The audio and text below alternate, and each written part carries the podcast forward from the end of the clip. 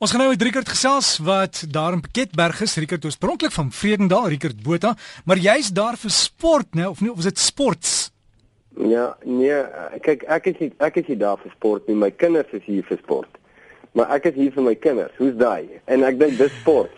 Dis sports, ja. Ja, dis sport. so jy's ook een van die paas wat langs die veld op en af hardloop, né? Ja, en en ek sê jou, ek het eendag 'n ding gesê op jou program. Ek sê ek kyk nie rugby nie, ek kyk my kind. Jy weet, ek kyk nie netbal nie, ek kyk my dogter. En dit is baie waar, hoor. Ehm um, my aandag is net op daai kind en hoe hulle speel en hoe hulle doen en maar dit is lekker vir my. Jy weet, ek dink dit is belangrik vir 'n ouer om daai tyd met sy kind te spandeer. Dis baie belangrik. Rigert, ek wil kerk toe gaan, maar ek moet werk. Hoe nou gemaak? Ja, maar dit is vir my 'n krisis nie.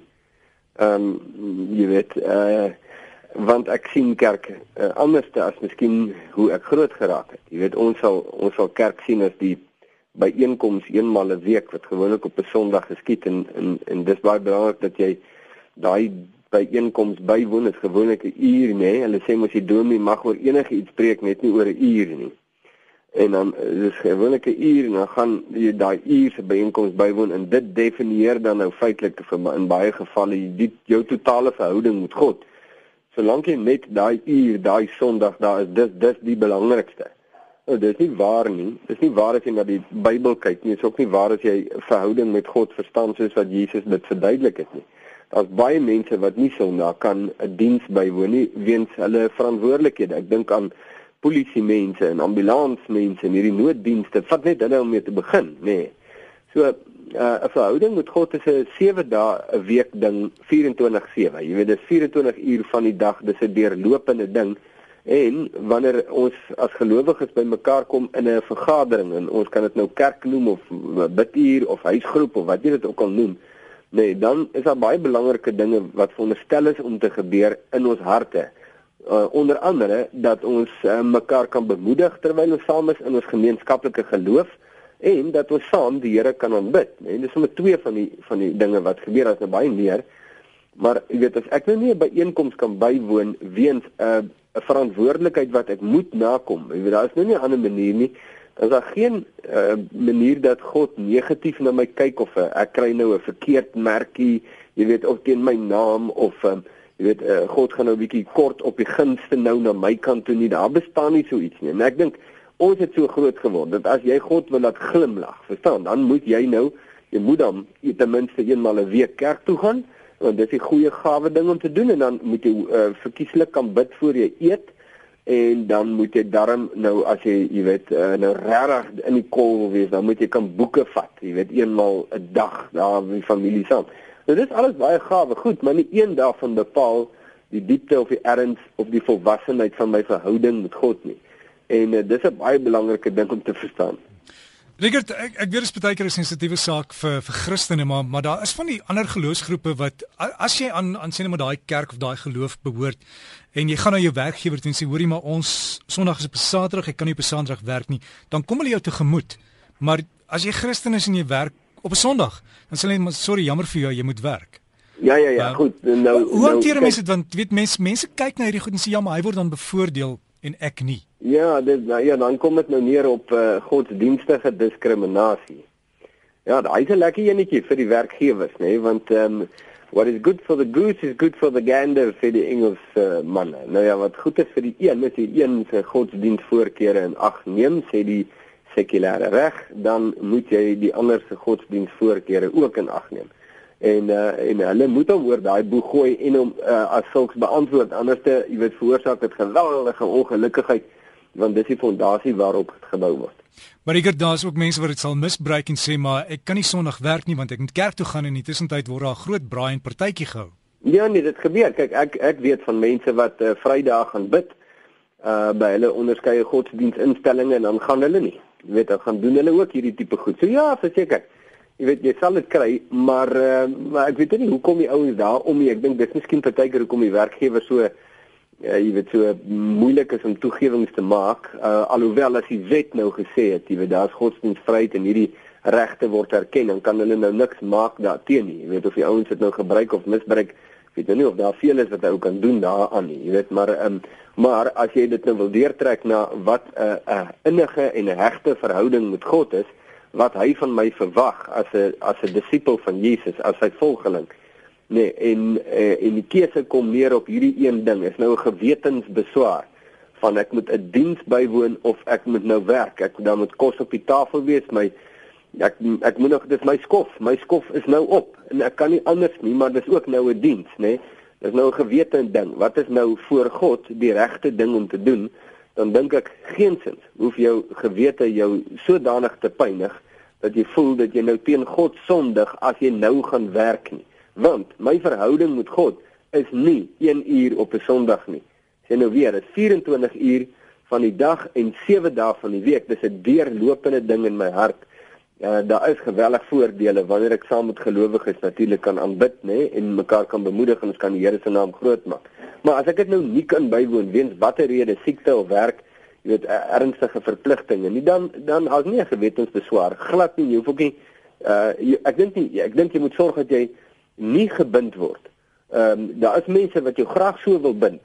Maar ek dink dit is belangrik dat jy voor God, maar mens moet dit self ondersoek. Jy moet nou nie net my woord vat nie. Ondersoek dit self en kyk dat dit nooit God se verwagting of 'n eiste vir my is nie en dat my gewete my op daai manier nie hoef te kom ons gebruik maar weer daai woord pynig en 'n lekker enetjie.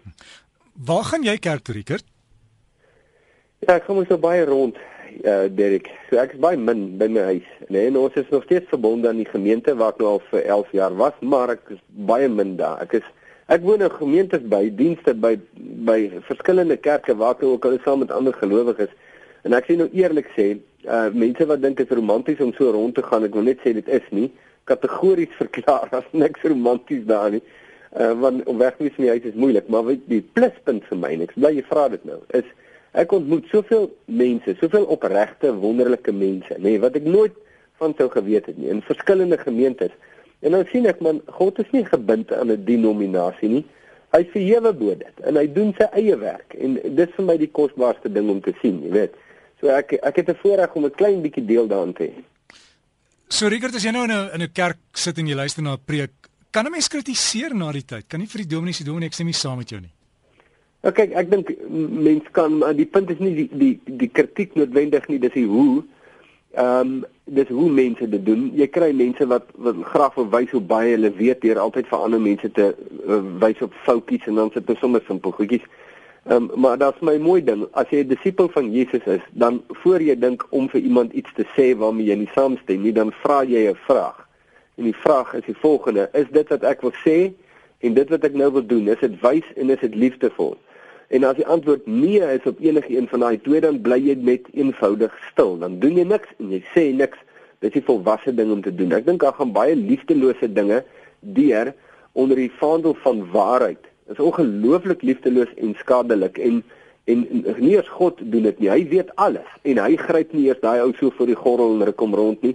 Maar as sekere mense wat voel dit is die geestelike ding om te doen, hulle boelie mense geweldig. En ek dink dit is wys en dit is ook nie liefdevol nie en as jy Jesus se voetspore volg, dan sal hy, jy weet, jou in 'n rigting lei wat mense se harte wen eerder as sê nou maar hulle koppe probeer volstop met kennis wat eintlik maar vir hulle niks beteken nie.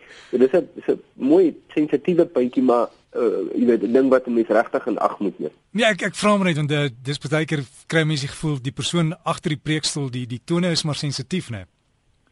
Ja, kyk, weet jy wanneer raak mense sensitief? Die oomblik as mense voel dat hulle word ehm um, hulle persoon word aangevat. En ek mm -hmm. dink as daar 'n bietjie onvolwassenheid in jou is en iemand jy weet kom nou met 'n saak sê nou maar jy het gesê die appel is rooi maar hy sê die appel is geel sê ons vat hom maar sommer net so iets en hy kom nou na jou toe maar sy houdingkie is nou ook nie te lekker vas nie jy sien en ek sit nou ook met 'n stukkie onvolwassenheid hier binne in my nou kom hy met sy on, sy nie vasse onvolwasse houdingkie en ek kom met my ou seer hartjie want ek het bietjie lank tone en dan is dit sommer vinnig jy weet dan uh, hy maak 'n aanval ek gooi verdediging en dan gaan dit nie eers meer oor die appels nie Nou gaan dit om ons identiteit en ons waardigheid en ons eer.